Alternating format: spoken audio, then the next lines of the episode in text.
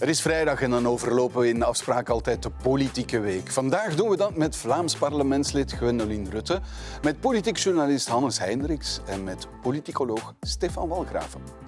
Welkom bij de afspraak op vrijdag.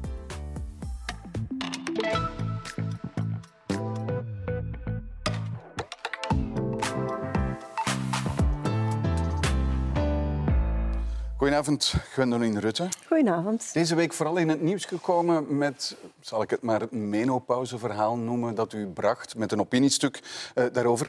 Um, waarom doet u dat? Is, is dat een deel van uw politieke opdracht, vindt u? Ja, ik had er lang over getwijfeld, maar nu als ik een week verder ben, um, heb ik de juiste beslissing genomen. Ik heb ontzettend veel reacties gekregen. Uh, het is een thema dat enorm leeft en waar vooral beleidsmatig, denk ik, nog heel veel stappen te zetten zijn, zowel informatief als curatief. Hè. Uh, er bestaan manieren om vrouwen te helpen en alle vrouwen krijgen ermee te maken. Dus ja, dan is dat een taak van de politiek. En dat wou u bereiken, een, een soort bewustzijnswording, want het is niet dat het onderwerp nog niet aan bod is gekomen. Wel, u zou ervan verschieten hoeveel keer ik de reactie heb gekregen ik wist helemaal niet wat de perimenopauze is. En ik wist dat ook zelf niet. En ik uh, dacht nogthans dat ik goed geïnformeerd was. Dus er is echt nog wel veel werk aan de winkel. Maar ook op het vlak van beleid, als je kijkt naar absenteïsme op het werk, uh, het aantal burn-outs, zelfs een link uh, met, met betrekking tot dementie bijvoorbeeld, ja, dan, dan, dan, stellen wij ons soms de vraag hoe kan het dat we zo'n hoge cijfers hebben en zoveel betalen aan langdurig arbeidsongeschiktheid. Ja, als je natuurlijk met oogkleppen kijkt en de wereld alleen maar maar door de bril van mannen bekijkt, dan ga je het probleem nooit oplossen. Je moet af en toe eens door eh, de bril van een vrouw kijken. Vandaar dat we u uitgenodigd Dank u wel. Hannes Hendricks, goeie, goedenavond. Goedenavond. Chef politiek van het Nieuwsblad. Wat doet een chef Klopt. politiek bij een krant? Ik doe eigenlijk de dagelijkse aansturing van de politieke redactie. Onze politieke redacteurs beslissen welke stukken we maken, welke stukken we niet gaan maken, waar we op de site op inzetten enzovoort. Dus echt die dagelijkse aansturing. En betekent dat dan dat je gewoon de hele tijd achter een bureau zit? Of ben je ook nog ter plekke ben, politiek journalist? Ik probeer zoveel mogelijk ter plekke te gaan ook. In het parlement daar kom ik iets minder. Je kan het ook livestreamen, de livestream volgen ja. uiteraard. Maar bijvoorbeeld de persconferentie, Conor Rousseau, dan gaan we daar naartoe. Daar was je bij. Ja. Uh, je bent, mag ik zeggen, erg jong. Is dat een handicap voor een politiek journalist? Ik vind dat eigenlijk geen handicap. Ik denk dat zowel politiek, maar ook media um, goed die oefening moet maken. Um, hoe evolueren we mee met de samenleving, ook op redacties?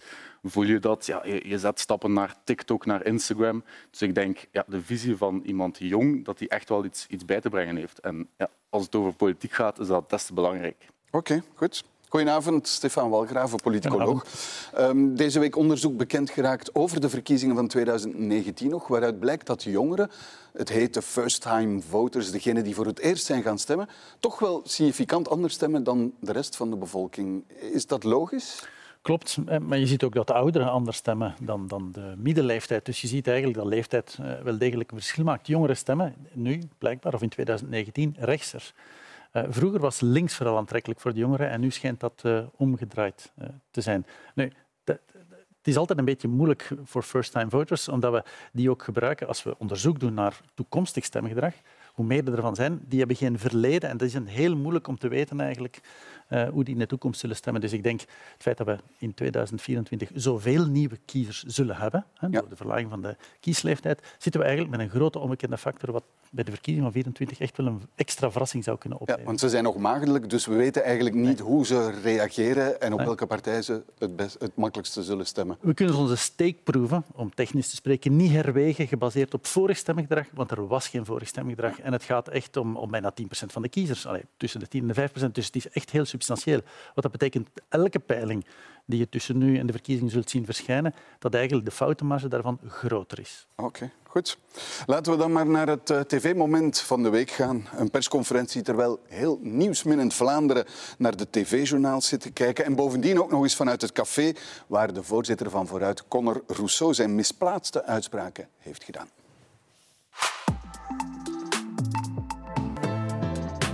Een rechter in Dendermonde heeft de publicatie van een artikel en de uitzending van een reportage over vooruitvoorzitter Conor Rousseau verboden. Maar een artikel van de pers tegenhouden, dat gaat toch ver? Ja, maar de rechten van verdediging en een eerlijk proces um, belemmeren, dat gaat ook ver. Het gaat hand in hand. Geef mij een paar dagen de tijd en ik kom direct terug bij u toe. Op basis van wat ik zelf ervaren heb, op basis van wat ik hoor bij omstanders en klanten die erbij waren, niemand, voor niemand is er iets aan de hand. Ik heb ehm, mijn beklag gedaan over individuen die buurten teisteren met overlast, zwerfvuil, intimidatie. En ik heb daarbij foute uitspraak gedaan over een aantal mensen van de Roma-gemeenschap, een aantal Roma. Ook al was het zatte mansklap, ook al was het grappend, wat heel duidelijk op de beelden te zien is, het was fout. Ik heb een fout gemaakt en ik wil mij daar uh, oprecht voor excuseren. Ja, Hannes Hendricks, je was erbij, zei je daarnet. Ja, uh, wel apart, hè? Persconferentie in het café waar de feiten zich hebben afgespeeld. Ja, het is een heel aparte keuze. Ik uh, was zelf verbaasd dat het daar doorging. Het was ook, ja, we kregen denk iets meer dan een uur op voorhand de uitnodiging. Dus we hadden ook niet echt een andere keuze dan uh, in te gaan op die uitnodiging om de persconferentie daar te doen. Er werd maar... ook geweigerd om face-to-face -face interviews te doen. Maar waarom daar? Ik denk dat hij uh, van zichzelf denkt dat hij redelijk um, stevig in de schoenen staat en dat ook wou laten blijken aan de buitenwereld. Van kijk, ik durf hier een persconferentie geven op de plaats delict, om het, uh, om het zo te zeggen. Um, dus ik denk dat hij een beetje ja, met de media ook wou spelen. Uh, hij heeft daar en ervoor heel wat mediakritiek geuit ook. Hij dacht, ja, ik ga nu live in de journaals, zonder dat iemand mij eigenlijk kan tegenspreken, mijn eigen boodschap rechtstreeks naar de kiezer brengen. En dat is wel iets wat we bij Conor Rousseau steeds vaker zien terugkomen. Dat hij echt die regie heel strak in handen wil houden. Denk aan het filmpje over zijn coming out, waar hij Erik Goens uitnodigt voor een face-to-face -face gesprek. De hele race interviews. Um, maar is het, is na het de deze keer gelukt? Um, ik denk dat het deze keer niet gelukt is. Uh, omdat in de dagen ervoor, hij uitte heel wat mediakritiek, maar je merkte dan ook de, de berichtjes die hij stuurde met de korpschef bijvoorbeeld, die werden gelekt. Dat stond duidelijk niet in zijn draaiboek. Um, en ik denk dat er nu ja, achteraf in de analyses ook wel gezegd werd, ja kijk, uh, Conor Rousseau hij heeft duidelijk een fout gemaakt. Uh, je ziet dat ook in, in de reacties bij partijleden bijvoorbeeld. Ik denk dat hij nu de regie een beetje verloren is, in ja. tegenstelling tot eerdere momenten. Ja, professor, maar het is wel heel duidelijk iemand die een heel erge controle probeert uit te oefenen en op die manier een aantal zaken achter zich te laten via die controle. Uiteraard, maar daarover gaat politieke communicatie. Hè. Politieke communicatie gaat het over het in de, in de verf zetten van bepaalde dingen en niet communiceren over andere dingen. En proberen zoveel mogelijk aandacht te trekken met de dingen waarin je sterk bent en de aandacht af te leiden met de dingen waar je zwakker bent ja. of waar je fouten hebt gemaakt. Dat is gewoon de essentie van, van wat politie proberen te doen, maar, maar uh, adverteerders ook. Hè. Dat is, ja? Er is niks bijzonders is het, aan, Is het dat, mevrouw Rutte, wat politici proberen te doen? Want dan krijg je bijvoorbeeld het verhaal van sms'en tussen een politicus en een korpschef. Dat is -hmm. niet zo'n mooi verhaal dan. Uh... Ja, misschien eerst over, over die plaats. Hè. Het, het, is natuurlijk wel zo dat het beeld altijd sterker is dan het woord. En als je uh, het, uh, het, het, concept uh, Zattemansklap wil vormgeven, dan doe je dat misschien best in een café, want dat beeld roept effectief de associatie Klopt. op. Dit was op café.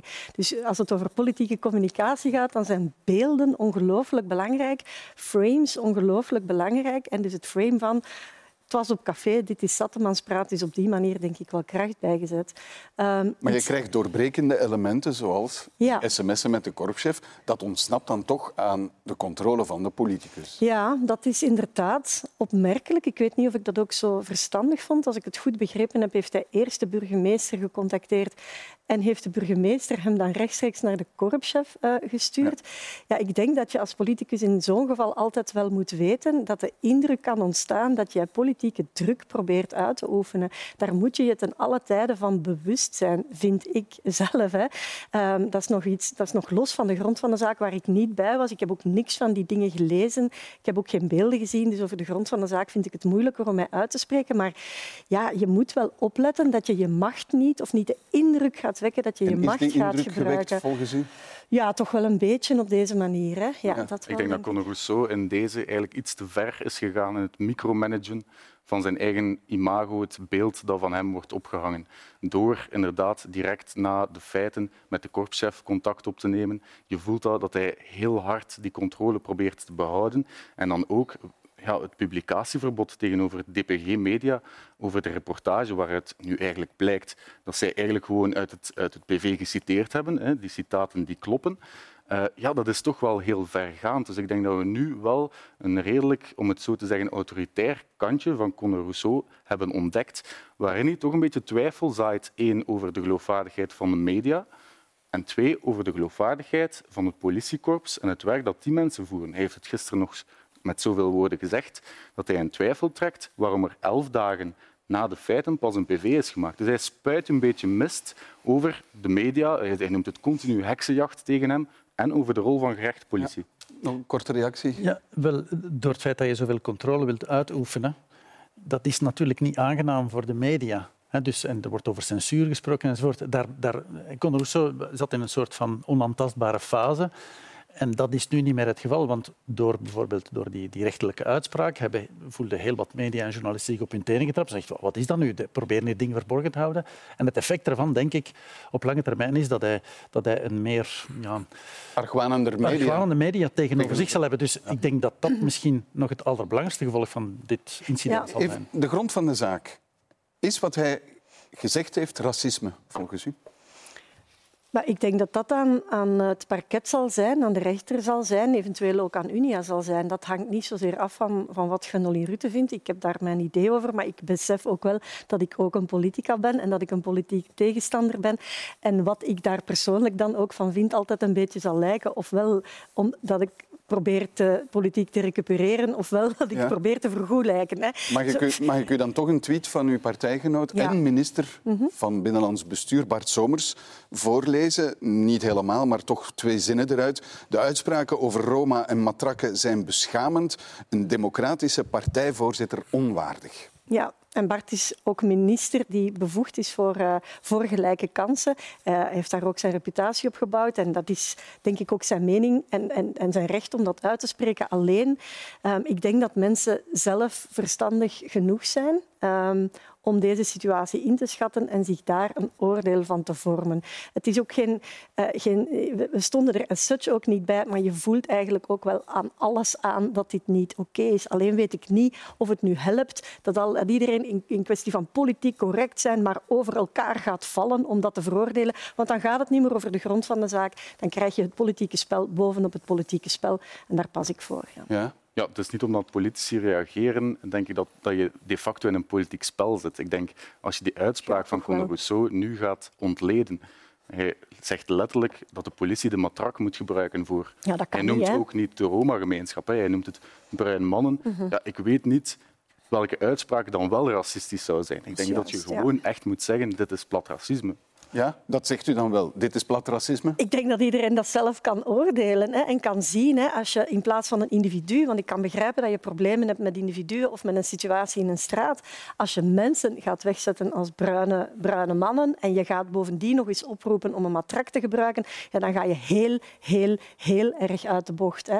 Maar wat, ik, wat, wat het, de definitie betreft, welke gevolgen eraan moeten gegeven worden, daar hebben we het gerecht voor, daar dient het parket voor uh, en daar zal daar zal ook het gevolg aan gegeven worden. Er is PV opge opgesteld. Wat ik wou zeggen is, uh, ik heb een beetje moeite als politiek zelf begint uh, de, de, morele high ground te zoeken. Natuurlijk is dit fout, maar er zitten in elke partij, ook in de mijne, mensen die al eens op dat vlak uit de bocht zijn gegaan. En ik denk dat mensen dat ook wel kunnen zien. Hè? dat je op een ander. Wel nee, ik, ver... ik, ga niemand met de vinger wijzen, maar ik denk dat mensen wel zien hè, dat, uh, dat, dat ze hun eigen gedacht kunnen maken en dat dit fout is. Daar hebben ze mij niet voor nodig. Ja. Wat denkt u? Het, het, het, gaat hier over, gaat het over individuen of gaat het over groepen? Als het over een individu gaat, is het volgens mij geen racisme. Als het over een groep wegzetten gaat, dan gaat het wel over racisme. En Conor Rousseau zegt... mannen is natuurlijk... Maar als hij, als hij spreekt over mensen die uh, concreet over een bepaalde groep, dan gaat het over individuen. En dan gaat het niet over de Roma-gemeenschap in het geheel. Ik denk dat dat een heel belangrijk onderscheid is. Hij zelf benadrukt sterk dat het over individuen gaat. We hebben net in het filmpje dat woord... Maar dus ik denk dat dat heel belangrijk is. De meest pertinente vraag gisteren kwam van Pieter Jan de Smet, die gewoon zei... Stel dat deze uitspraak was gedaan door Tom van Grieken, hoe zou u dan gereageerd hebben? Ja, foute uitspraak, hè? Ja. Foute uitspraak. Zonder twijfel. Het, allee, ik, ik, ik, denk dat, maar hij, hij, zelf heeft dat zelf ook gezegd, hè, dat het een foute uitspraak maar was. Maar foute of racistische uitspraak? Ik denk dat er heel wat progressieven dan meteen zouden uh, zeggen dat het dat een heel ook, racistische ja. uitspraak is. Mocht Tom van Grieken het hebben gezegd. Uiteraard. Ja. Ik denk... Maar of een rechtspoliticus ja. hè. laat, me, laat me wel wezen. Hè. Uh, dat, dat is zo. Uh, en dus allee, mensen uh, wegzetten als groep is, is verkeerd. En ik, ik til ook heel erg zwaar aan, aan het feit dat je oproept om geweld te gebruiken. Hè. Dat, dat is iets, zeker als je leiding geeft in een, in een stad um, en, en aan, aan, het hoofd van een politiekorps staat, dan weet je in hoe moeilijke omstandigheden die mensen moeten werken, hoe moeilijk het is om orde en kalmte te bewaren. Hè. Zelfs al zijn zij, hebben zij het monopolie van geweld, zij moeten eigenlijk een extreme controle aan de dag kunnen leggen om toch een situatie onder controle te gebruiken. Ja, als je dan vanuit de politiek het signaal gaat geven dat er eens goed op kloppen uh, gaat helpen, ja, dan is het hek heel snel van de dam. De, de, er is een theorie die zegt de partij zal hier wel bij varen, want hij zegt eigenlijk wat heel veel mensen uh, denken. Gaat u, daar, gaat u daarmee akkoord? Ziet u zo'n mechanisme ontstaan? Het zou kunnen. Dus we hebben al eerder, Conor Rousseau heeft al eerder, al eerder met zijn fameuze Molenbeek-uitspraak zich eigenlijk aan, ja, naar, op migratie naar rechts opgeschoven. Hè? Of in ieder geval in de symboliek, misschien niet in de feiten, maar in de symboliek, of in ieder geval in de profilering van de partij. Dit past daarin. Dus past erin. Ik zeg niet dat dit bewust gebeurd is, dat dit een strategie is, maar in die zin denk ik wel. Uh, op, zie ik niet lijkt het mij niet uitgesloten dat hier geen electorale gevolgen aan zijn. Misschien zelfs positieve. Je, je, ziet ook dat hij eigenlijk niet echt gas terugneemt. Hè. Hij zegt, ik heb een foute uitspraak gedaan, maar hij blijft wel achter de inhoudelijke kritiek op die Roma-gemeenschap in Sint-Niklaas staan. Hij legde er zelfs nog een schepje bovenop. Hij benoemde het, denk tot drie maal toe, dat het gaat om zwerfvuil, intimidatie ja. uh, in, in, in de straten. Dus het is niet zo dat dit geen uh, gewoon partijstandpunt, of toch alleszins een standpunt van Conor Rousseau is in Sint-Niklaas. Hij heeft gewoon gezegd, ik heb er een foute uitspraak over gedaan. Dus in die zin volgt de professor inderdaad. Het is gewoon een verlenging van de Molenbeek-uitspraak. Alleen merk je nu wel, en of het nu een zatte uitspraak was of niet, dat in de retoriek die blijkbaar Conor Rousseau achter de schermen hanteert of als hij gedronken heeft, dat dat wel heel dicht komt in een uitspraak die ook een Vlaams belanger zou doen. Opnieuw, je mag geen hele groep mensen veroordelen voor het gedrag van enkele. Maar ik kan me best voorstellen, ook als burgemeester, dat je in een straat, in een wijk problemen hebt en dat je ook weet waar die aan toe te wijzen zijn. Hè.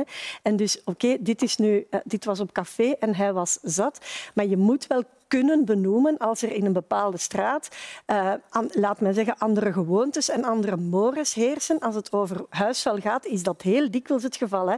Anderen weten dat je huisvuil buiten zet op de dag dat het wordt uh, opgehaald. Heel vaak uh, zijn er situaties ook met mensen van Roma-afkomst die dat niet weten en, en waar echt een huisvuilprobleem ja, is, is. Mag je dat dan niet zeggen? Jawel, je mag natuurlijk niet heel die groep ver veroordelen. En is die, dat boodschap, is die boodschap niet sterker wanneer je dat niet in een zattemansbui zegt? Ja, niet in een zattemansbui en ook niet veralgemenend natuurlijk, want we, we, worden ook niet graag als Vlamingen allemaal als pedofielen weggezet, hè, bijvoorbeeld. Allee, dat, dat, dat, dat voel je aan dat dat niet klopt.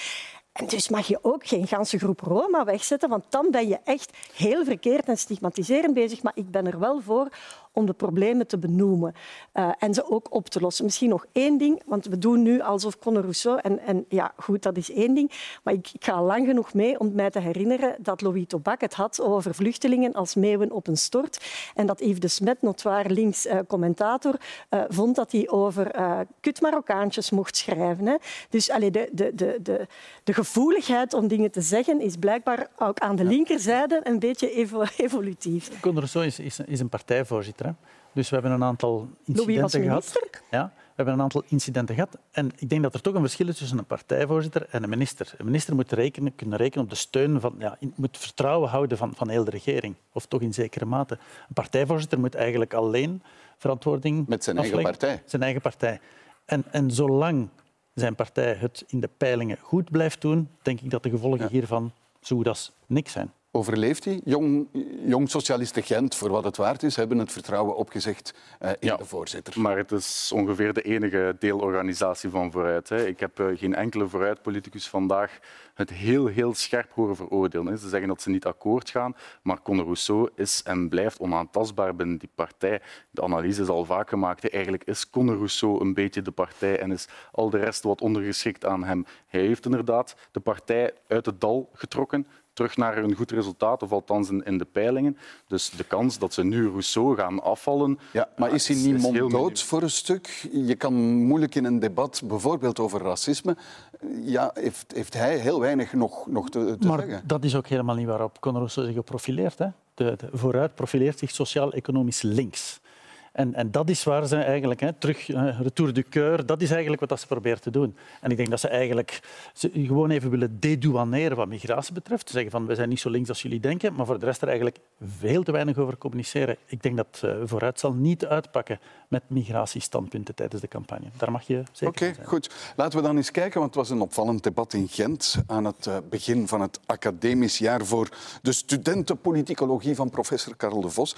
Een debat met vier partijvoorzitters, maar geen enkele centrumpartij was uitgenodigd en ook Groen mocht niet meedoen. Nogal wat, hè? vier partijvoorzitters. En uh, gelet op hun positie en de evolutie van hun partij in peilingen is de kans ook groot dat deze vier heren ook na juni volgend jaar nog iets te zeggen zullen hebben. Al deze partijen, van N-VA tot PvdA, besturen op een of ander niveau samen allemaal zijn ze al samen uh, in bed gedoken voor samen te regeren. Alleen het Vlaams Belang niet. Wij zijn dus voor zoveel kiezers de enige hoop. Ik ben niet extreem links. Ik ben gewoon links. Het is niet mijn schuld dat alle... Tuurlijk dat. Dat is niet mijn schuld dat alle traditionele partijen naar rechts opgeschoven zijn. Doe ook niet alsof u wil meebesturen.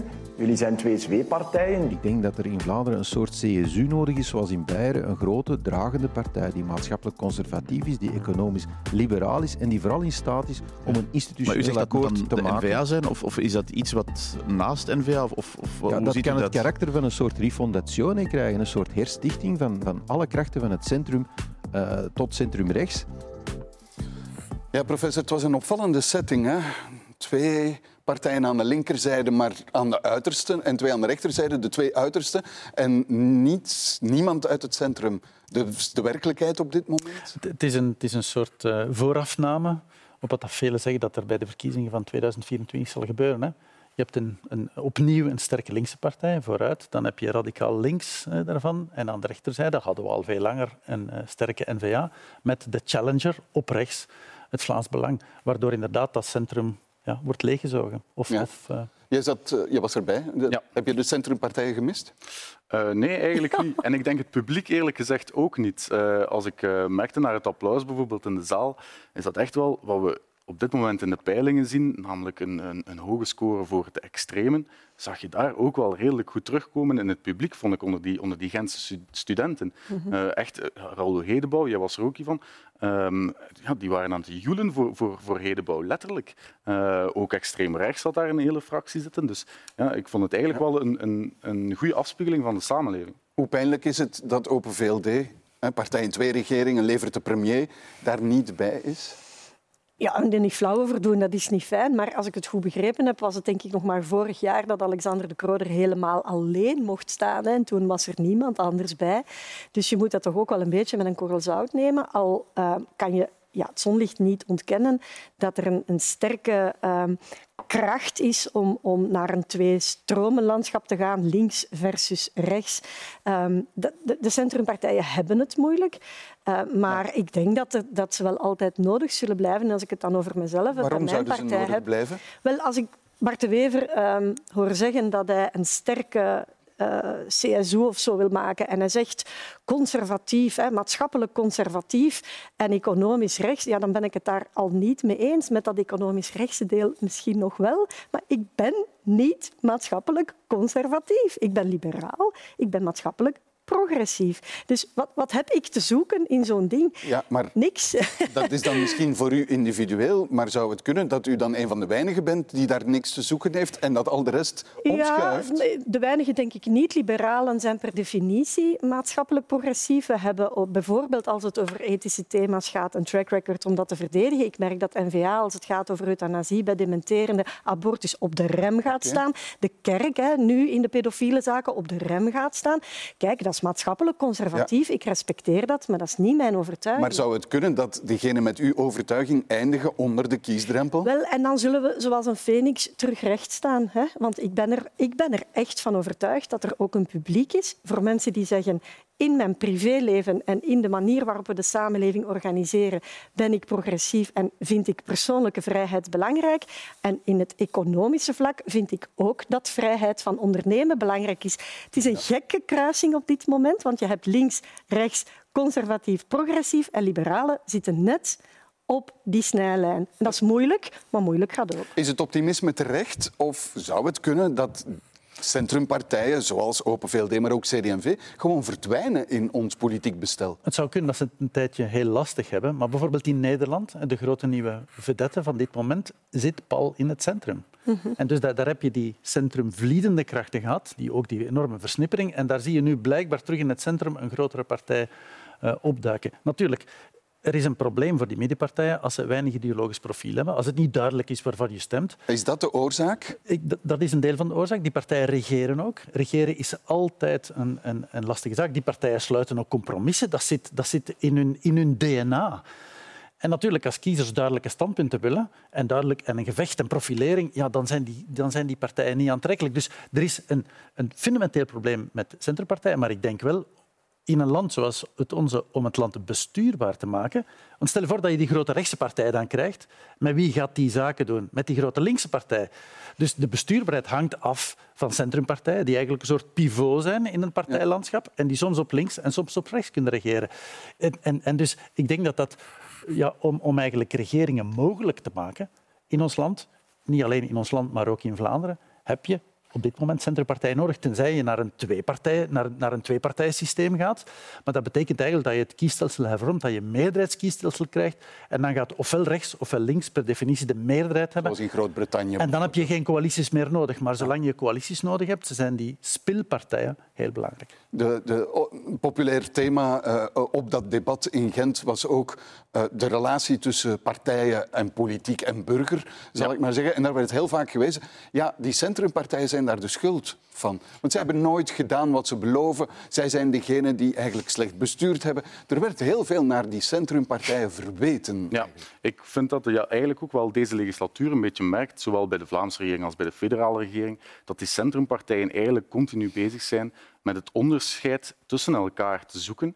Echt het kleinste gaatje, dat te gaan uitvergroten, om dan naar de kiezer te kijken, kijk, wij zijn CD&V, wij zijn Open VLD, dit is het verschil tussen ons. Waar ze te weinig rekening mee houden, denk ik, is dat er extremen zijn die langs dat centrum eigenlijk gewoon slapend rijk aan het worden zijn, omdat die centrumpartijen continu, continu met elkaar in debat gaan over de kleinste thema's. Het viel mij ook op bij de jobbonus bijvoorbeeld in, in, in de Vlaamse regering. Eigenlijk is de Vlaamse regering het daarover eens dat die er moet zijn. Hoewel er heel wat bedenkingen bij te, bij te maken zijn met de effectiviteit daarvan. Maar wat, dat is een ander punt. Maar eigenlijk zijn de partijen het daarover mhm. eens. En dan zie je in de studio's toch Tom Ongena en Sami Medi elk die jobbonus zo een klein beetje op hun eigen manier interpreteren. En zeggen, ja, wij willen die jobbonus voor die. En ja, maar wij zijn tegen de Open VLD, want wij willen die eigenlijk voor die. Ja, het zijn zo het soort onderscheid tussen elkaar. En ja, ik denk dat veel kiezers daar naar kijken van, ja, waar gaat het eigenlijk nog over? Ja, misschien daarop inhakend, ik denk, en dan kijk ik ook naar Nederland, dat er wel terug ruimte komt voor saaie, vervelende politiek. En dat klinkt nu Denkt misschien u dat raar. of hoopt u dat? Dat weet ik niet. Als u mij saai en vervelend vindt, dan kan u denken dat ik dat hoop. Uh, maar ik bedoel maar politiek die voor wat mij betreft vertrekt vanuit de inhoud en durft vertrekken van zo liggende feiten en, en, en zonder daar meteen, hè, we zijn in het begin van de uitzending begonnen, met daar te zeggen van we zetten daar een grote show op of we gaan elkaar daar vliegen uh, afvangen. En dat, misschien hebben we op dat vlak nog wel een lange weg te gaan, maar ik zie wel, en dat is over partijgrenzen heen, politici die nog steeds bereid zijn om dat te doen. Hè. Um, opnieuw, de kiezer is niet dom. Ik denk dat hij ook wel zal weten hè, wie degenen zijn die uh, aan politiek doen om de juiste redenen en wie er al alleen maar in zit voor de show-element. Ik, ik, ik, denk niet dat de centrumpartijen bloeden omdat ze hun beloften niet houden. Ik denk dat centrumpartijen gewoon veel minder beloften doen. Wie doet er beloften? Wie belooft er een, uh, de ideale wereld op aarde? Dat zijn niet de centrumpartijen. Dat zijn net de radicale partijen die zeggen met ons wordt alles anders. Centrumpartijen hebben denk ik de moed om te zeggen kijk, bij ons wordt het een beetje anders. Ja. Want, want, en, en, en, en dat is net niet aantrekkelijk. Zeg dat het maar een beetje anders Zegt u dan dat de kiezer misleid wordt? Misleidt. Eh, mensen zijn gewoon... Eh, op het moment dat je ontevreden bent, dat je ontevreden bent over, over, over je leven en over de politiek, vooral over de politiek, ja, dan ben je geneigd om in de grote beloftes van grote veranderingen, de kracht van verandering, om daarin te geloven. En die centrumpartij is heel moeilijk om dat, te, om beloven. En volgens mij beloven ze dat ook niet. Als je het partijprogramma van Open VLD en CD&V zou bekijken, Dat is geen revolutie. Hè? Als je het partijprogramma van Vlaams Belang en PvdA, PvdA bekijkt, dat is revolutie. Ja, en, en opnieuw, wat zijn dan centrumpartijen? Um, de N-VA is op dit moment ook al meer dan twintig jaar mee aan het besturen. Heeft één groot punt, zijnde het land splitsen en het confederalisme realiseren. En heeft daar werkelijk nog geen halve stap gezet. Er is geen enkele staatshervorming ooit in de geschiedenis uh, gerealiseerd met behulp van de NVA. Dus ik vind het dan wel iets makkelijk om naar VLD en, en, en CD&V te kijken om te zeggen jullie, jullie hebben ja, je, je, beloftes niet Ik denk dat een groot deel van het probleem ook is dat de centrumpartijen eigenlijk niet meer echt in debat durven gaan met de extremen uit angst voor, waar, voor hun kiezers. Uh, met alle respect, maar ook daarnet had u het moeilijk met bijvoorbeeld de uitspraak van Conor Rousseau als plat racisme te bestempelen. Mm -hmm. En je ziet dat steeds vaker terugkomen, dat ze echt schrik hebben van ja, Vla Vlaams, Vlaams Belang haalt 25, 26 procent in de peiling. Als ik Vlaams Belang aanval, dan val ik ook die ganse groep kiezers aan. Nee. Maar daardoor bijvoorbeeld in de op, het debat over de opvangcrisis ja, krijg je centrumpartijen die continu in debat gaan met elkaar. Het Vlaams Belang staat daar gewoon buiten. Ik heb nog niemand echt heel fors in debat ga zien gaan met Tom van Grieken op dat vlak, op federaal niveau. En die, die, die belooft dus dingen... De hemel op aarde. En wat wat dat betreft vond ik het debat in Gent eigenlijk wel een beetje een hoopgevend signaal. Want je merkte wel in de zaal, als Conor Rousseau en Bart de Wever ingingen tegen de extremen en voor een stuk hun hypocrisie op een aantal thema's ontmantelden, ontmantelden ja. inderdaad, dat ze wel een deel van het publiek achter zich kregen. Ja. Ik denk dat dat wel een les moet zijn voor hen, voor andere centrumpartijen ook. Dat punt moet ik dan toch heel eventjes rechtzetten. Ik heb daarnet gezegd, ik vraag me af of het publiek er boodschap aan heeft dat politici over elkaar vallen in politieke correctheid. Ik ben op geen enkel moment tussen aanhalingstekens bang van het Vlaams Belang en ik denk dat mijn track record daar op, voor zichzelf spreekt. Hè. Ik heb op de avond van de verkiezingen de vorige keer en sindsdien bijzonder consequent gezegd dat ik zelf, en als het aan mij ligt, mijn partij, de fascisten nooit aan de macht zullen brengen. Hè. Ik en haal mij daardoor heel veel bagger Vlaams Belang zijn fascisten. En Vlaams Belang zijn fascisten. En ik, ik haal mij daarvoor heel veel bagger uh, op de nek. U moet mijn sociale media maar eens volgen. Ik ben daar niet bang van. Ik ben daar heel helder over. Dat wil niet zeggen, en dat was mijn punt, dat je niet moet luisteren als er in een straat problemen zijn, als er vuilnis ligt, als er overlast is, dat je die moet durven benoemen en ook niet over politieke correctheid mag vallen om dat ja. dan niet aan te pakken. Okay. Daarmee gezegd zijn, moet je niet iedereen met een andere huidskleur beledigen, want dat is complete Goed, onzin. Maar we gaan dat debat niet eh, nee, nee, okay, ja. Bart de Wever wil een, ja, hij noemt het zelf reformation, nou, herstichting. Maakt dat kans? Als er een herverkaveling komt, dan zal het niet gebeuren met de fanfaren op koppen. Dus het, het, dan, dan, krijgen we, uh, dan gaat de politiek zijn gaatje en ondertussen wordt er achter de schermen onderhandeld over een grote herstichting. Dus draai, je, draai de redenering om. Het feit dat het met de fanfare op kop wordt gedaan, betekent dat het nergens op zal uitdraaien? Mm, dan denk ik dat het een rondje voor de tribune is. Omdat het op die manier niet zal gebeuren. De herverkaveling zal wellicht ook niet door partijen gebeuren, maar door kiezers. Hè. Dus, en, en, en, bovendien na de verkiezingen en niet voor de verkiezingen. Er, er, zijn heel veel redenen voor mij om op dit moment geen herkaveling te verwachten. Of in ieder geval structurele samenwerking tussen partijen. Hè, lijstverbindingen, grote partijen. Ik denk niet dat die er voor de verkiezingen zullen komen, omdat het ook heel onnatuurlijk is om het op dit moment te doen. Behalve op lokaal niveau. Uiteraard. Als het gebeurt, zal het denk ik van ja. onderaan naar boven komen. Maar ik hecht ook heel weinig belang aan dat soort verklaringen. Ja. Met de fanfare stel, stel je voor. Dus er is geen bedreiging voor Open VLD? Nee, dat op zich is geen bedreiging. En ik, nogmaals, ik zou er ook niet intrappen, niet ervoor en niet erna. En ik vind ook dat iedereen daar duidelijk over moet zijn. Als je het van, op voorhand niet van plan bent, moet je het achteraf ook niet stiekem doen. Want dan heb je eigenlijk ook gewoon je kiezer beloven. Eigenlijk, eigenlijk etaleert het ook een beetje de wanhoop van Bart de Wever. Hè. Zijn partij staat zelf redelijk slecht in de peilingen. Oké, okay, wel nog op 20 procent, maar het is een partij die ooit 30, bijna 30 procent scoorde. Het is een appel op parlementsleden uh, van, van VLD, van CD&V, van ja. kijk, wij hebben wel nog zitjes in het parlement, met alle respect, uh, na, na 2024, kom maar bij ons. Dat zou kunnen. Hè. Het zou kunnen dat, dat er inderdaad een, dat er, dat er overlopers zijn. En, dat je daardoor, en dan kun je je partij een nieuwe naam geven op het moment dat die nieuwkomers bij jou komen. Zulke dingen zijn mogelijk. Maar niet de grote structurele veranderingen. Wat dus betekent dat partijen structureel gaan samenwerken en zeggen wij verbinden ons aan elkaar, nee. zoals, zoals socialisten en groenen uh, gedaan hebben in Nederland. Dat zie ik voor okay. de verkiezingen van 24 niet gebeuren. Goed, laten we dan eens naar de stikstofknoop van de Vlaamse regering gaan. Een advies van de Raad van State haalde het stikstofdecreet onderuit. En de vraag is hoe de meerderheid dit nu kan aanpakken. CD&V wil helemaal opnieuw beginnen. De N-VA wil op basis van de huidige methode gewoon doorpakken. Het probleem van te veel schadelijke stikstof lijkt veel groter nu het advies van de Raad van State daarover binnen is. De Raad van State is namelijk bijzonder kritisch over het voorstel van decreet van de partijen N-VA en Open VLD.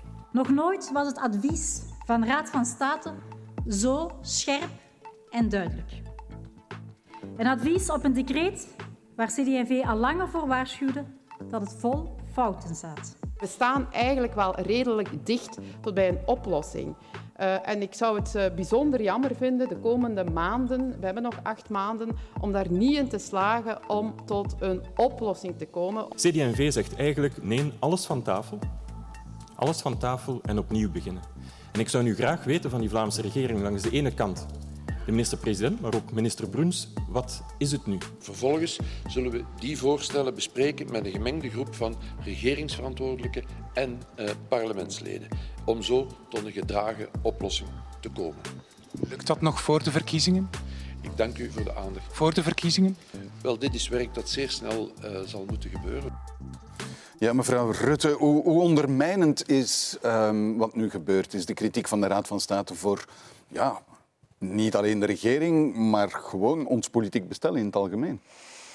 Ja, het is wel, het is wel hard aangekomen.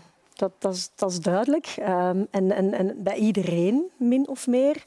Ik ga ook heel kort uitleggen waarom. Je had op voorhand discussies die vooral gingen over het verschil in behandeling tussen industrie en landbouw. Ehm, is men niet te streng voor de landbouw ten aanzien van de industrie?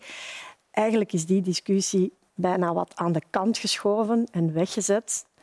Uh, wat er ligt is dat er vragen geplaatst uh, zijn en, en, serieuze vraagtekens geplaatst zijn bij de manier waarop Vlaanderen met deze problematiek wil omgaan.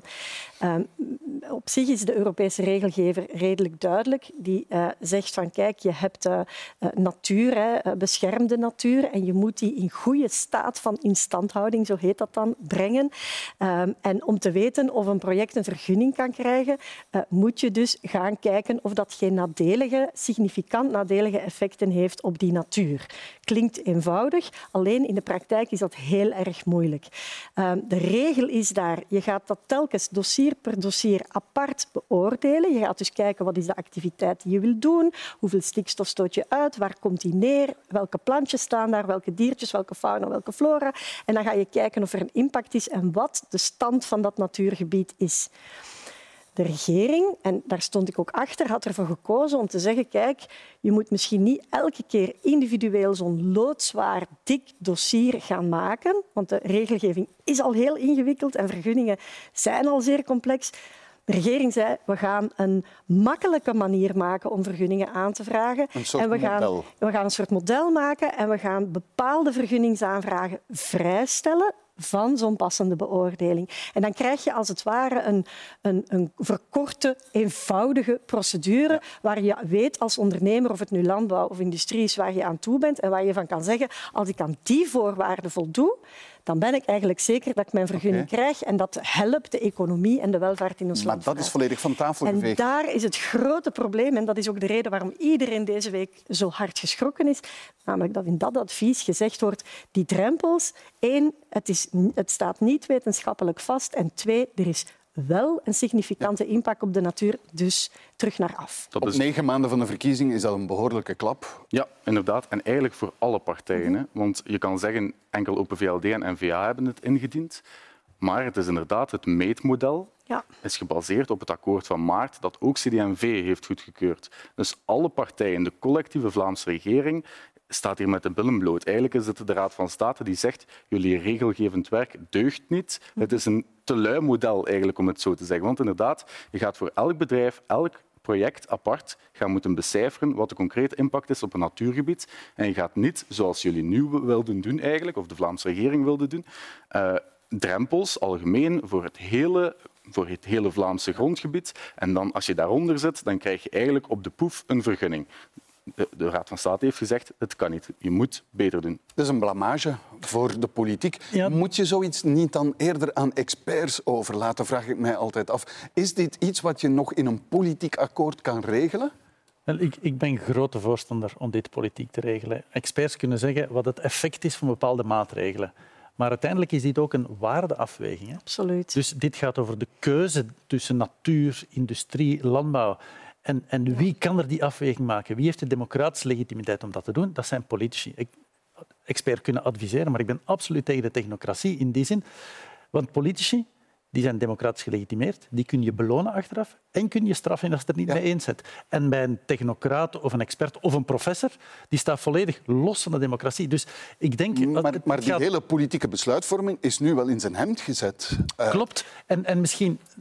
Je kunt er ook een positieve draai aan geven. Dat betekent eigenlijk dat als er wetgeving gemaakt wordt, als er beleid ontwikkeld wordt, dat wij een soort juridisch orgaan hebben dat dat, dat tegen het licht houdt. En geen, er is volgens mij geen enkele politicus die, of ik heb het toch niet gehoord, die dat advies van de Raad van State of de uitspraak van de Raad van State heeft aangevochten of gezegd die trekt op niks. Of waar moeien die mensen zich mee?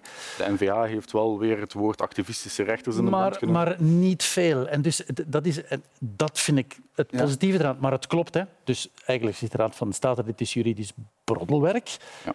En, maar goed, het feit dat... maar ik, ik, ga het nog eens proberen, want natuurlijk, uh, CD&V zal ik het een beetje simpel formuleren, vecht voor de boeren.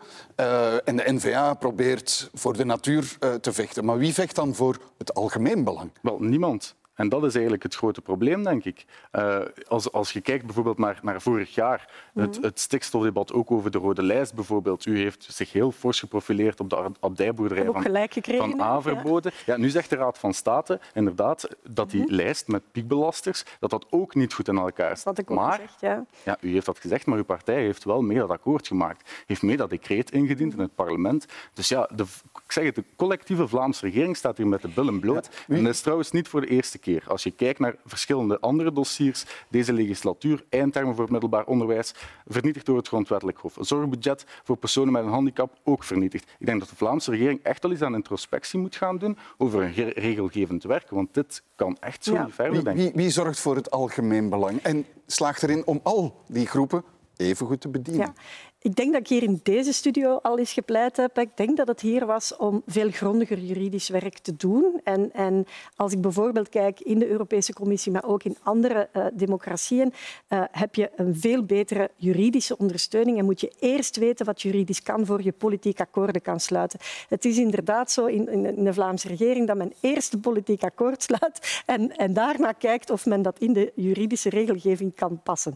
Dus daar denk ik dat men en zelf wel aan het beseffen is debat als een soort stappenplan. Wel, maar, daar, maar, daar, zijn discussies over gevoerd. Hè, uh, over, over, het feit dat je een, een, wat is het, hoe heet het, een volkstribuun moet kunnen hebben en dat de politiek haar eigen wetten moet, boven haar eigen wetten moet kunnen staan als ze het nodig heeft. Ik, ik denk dat niet. Als je wetten maakt, neem ik aan dat je weet welke wetten je maakt en moet je ze ook toepassen.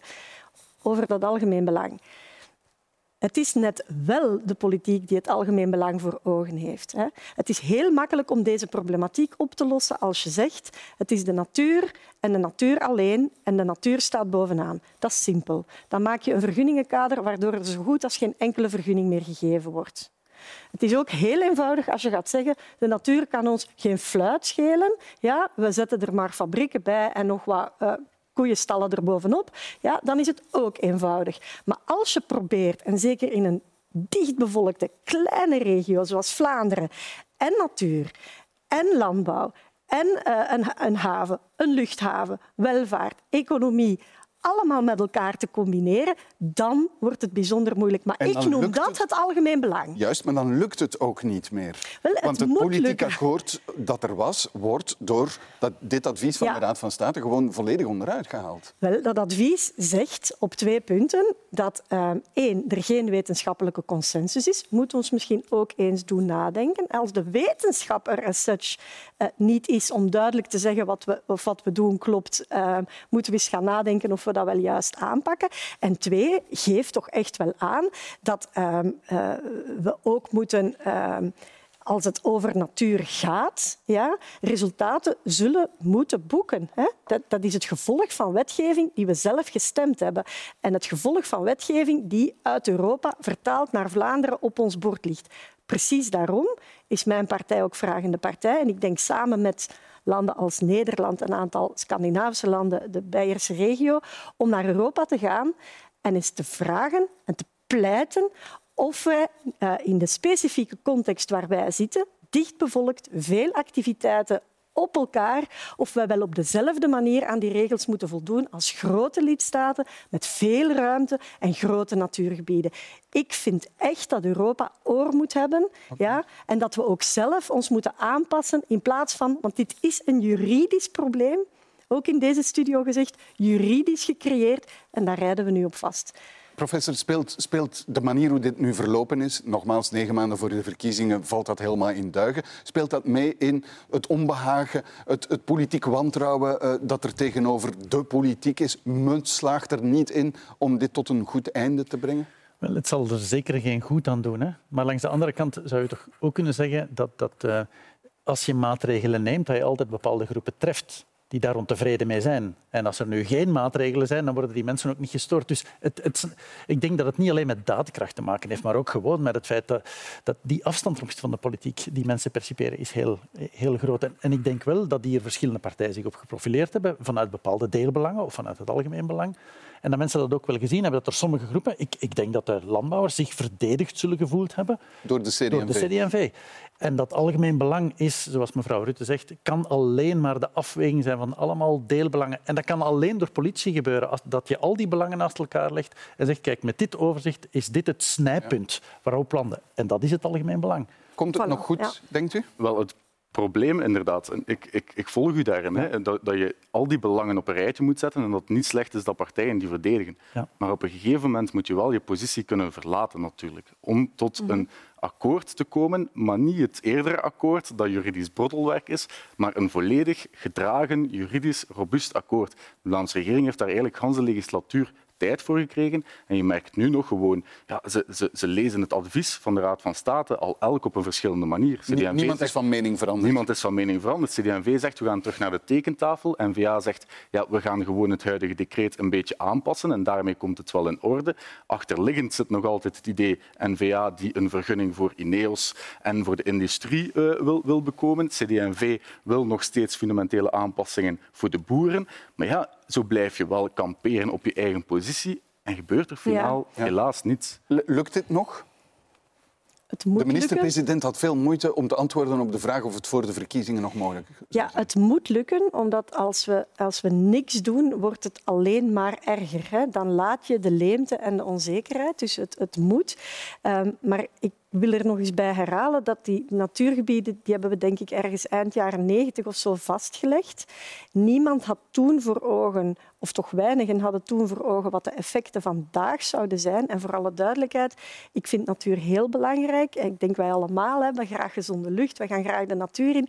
Maar hier gaat het over heel specifieke instandhoudingsdoelstellingen van planten, dieren, fauna en flora je moet je ook afvragen of op een periode van de jaren 90 tot 2050 die doelstellingen wel haalbaar blijven. Ik zal heel concreet worden.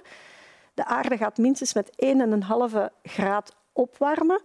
Heb je dezelfde habitat als het klimaat anderhalve graad warmer is. Dus u, u, wil die natuurgebieden en de criteria voor die natuurgebieden ook in vraag stellen bij Europa? U wil teruggaan naar de oorsprong? Want Europa heeft ons de opdracht gegeven om dat te doen. We hebben die zelf vastgelegd. En wat ik vind, is dat je moet zeggen, de natuur moet erop vooruit gaan, maar je moet ook durven kijken of wat we willen wel haalbaar is. Ik zal heel concreet zijn. Als we morgen stoppen met stikstof uit te stoten, stel, hè, we doen dat helemaal niet meer, is het dan wetenschappelijk zo dat die natuurgebieden in perfecte staat van instandhouding geraken? Als het antwoord is nee, want je hebt ook natuurbeheer nodig. Als het antwoord is nee, want het klimaat verandert, dan moeten we misschien wel eens naar die doelstellingen kijken. Is dat de goede weg, eh, denkt u? Want eigenlijk wordt er teruggegaan naar de oorsprong en wordt daar het probleem aangepakt, waardoor misschien de methode wel kan werken? Wel, ik denk dat eigenlijk op zich binnen de Vlaamse regering er niet veel mensen die doelstellingen nu in vraag stellen. Nee. Um, maar de manier waarop je daar naartoe gaat, is wel cruciaal natuurlijk. En ja, je moet een evenwicht gaan vinden tussen industrie en landbouw. En ik zeg het nogmaals, ja, je moet die twee met elkaar verzoenen in functie van de natuur. En omdat iedereen op zijn eigen positie blijft zitten, kom je in een situatie terecht waarin een compromis gevonden wordt in een uh, meetmodel eigenlijk, dat gewoon Mhm. juridisch niet robuust is. En het is de Raad van State die dat nu compleet onderuit haalt. Dus jullie moeten gewoon terug naar de tekentafel van nul beginnen. Akkoord. En ik, ik denk eerlijk gezegd hè, dat als je nu ondernemer bent of landbouwer in Vlaanderen, dat je geen boodschap hebt aan eh, de NVA heeft mijn belangen verdedigd, de CD&V heeft mijn be- belangen verdedigd. Je wil gewoon dat er zekerheid is om te on- gaan ondernemen in de toekomst en die is er op dit moment nog altijd niet. En acht je, acht je dat mogelijk voor de verkiezingen? Acht je de Vlaamse regering in staat? Ik denk dat zowel CD&V, N-VA, Open VLD over hun eigen schaduw moeten stappen of er gaat niets meer gebeuren. Als Ja. het blijft zoals het vandaag En is, komt het niet goed. Het- ik vind het ook belangrijk dat we dit maatschappelijk debat in zijn volheid voeren. Want bij de vorige verkiezingen was dit geen thema. Het stond denk ik in geen enkel programma. Het is in geen enkele studio aan bod gekomen. Maar het gaat over heel cruciale keuzes. Je hebt een zeehaven die een economische motor is. Wil je die nog? Je hebt een luchthaven die de toegang is tot Europa. Wil je die nog? Je, wil, je hebt vergunningen en investeringen, bijvoorbeeld in die chemische cluster. Wil je die nog? Je hebt een abdij van Averboden. Wil je die nog? Maar Voor je wat hebt, mij betreft, je hebt ook ja. duizenden boeren. Wil je, Je die hebt nog? duizenden boeren, wil je die nog? Dus ja, daarover gaat de discussie. Hè. En dus ja, natuur is belangrijk. Maar de manier waarop wij het bereiken van ehm, eh, die, die natuurdoelstellingen in regelgeving hebben omgezet, is een heel strak karkan waar het resultaat van is dat we economisch, of het nu boeren zijn of ondernemingen zijn, gaan achteruit gaan of gaan stilstaan. En dat, kan- en dat is de vraag. Dat wil u openbreken. Ik wil dat openbreken. Ik ben niet bereid om voor versplinterde stukjes natuur her en der te zeggen we zetten onze welvaart op het spel. Ik vind op dit moment ook geostrategisch gesproken dat welvaart een element moet zijn aan de tafel. En dat vind ik ook dat je dat aan Europa moet kunnen zeggen. Het enige jammere aan de zaak is, denk ik, eh, dat verschillende ministers als voorvechter van één bepaalde sector naar die verkiezingen willen trekken en misschien niet de politieke moed hebben om over hun schaduw heen te stappen. Goed, dat is het einde van deze afspraak op vrijdag. En daarmee is weer een politieke week netjes neergelegd. En zoals altijd dank ik mijn gasten voor de deskundige hulp daarbij. Gwendoline Rutte, Hannes Hendricks en Stefan Welgraven. En u, beste kijker, dank dat u er opnieuw bij was. Veel kijkplezier met de filmmarathon naar aan- aanleiding liever van de 50ste editie van het Filmfest Gent. Wij zijn er volgende week opnieuw. Tot dan.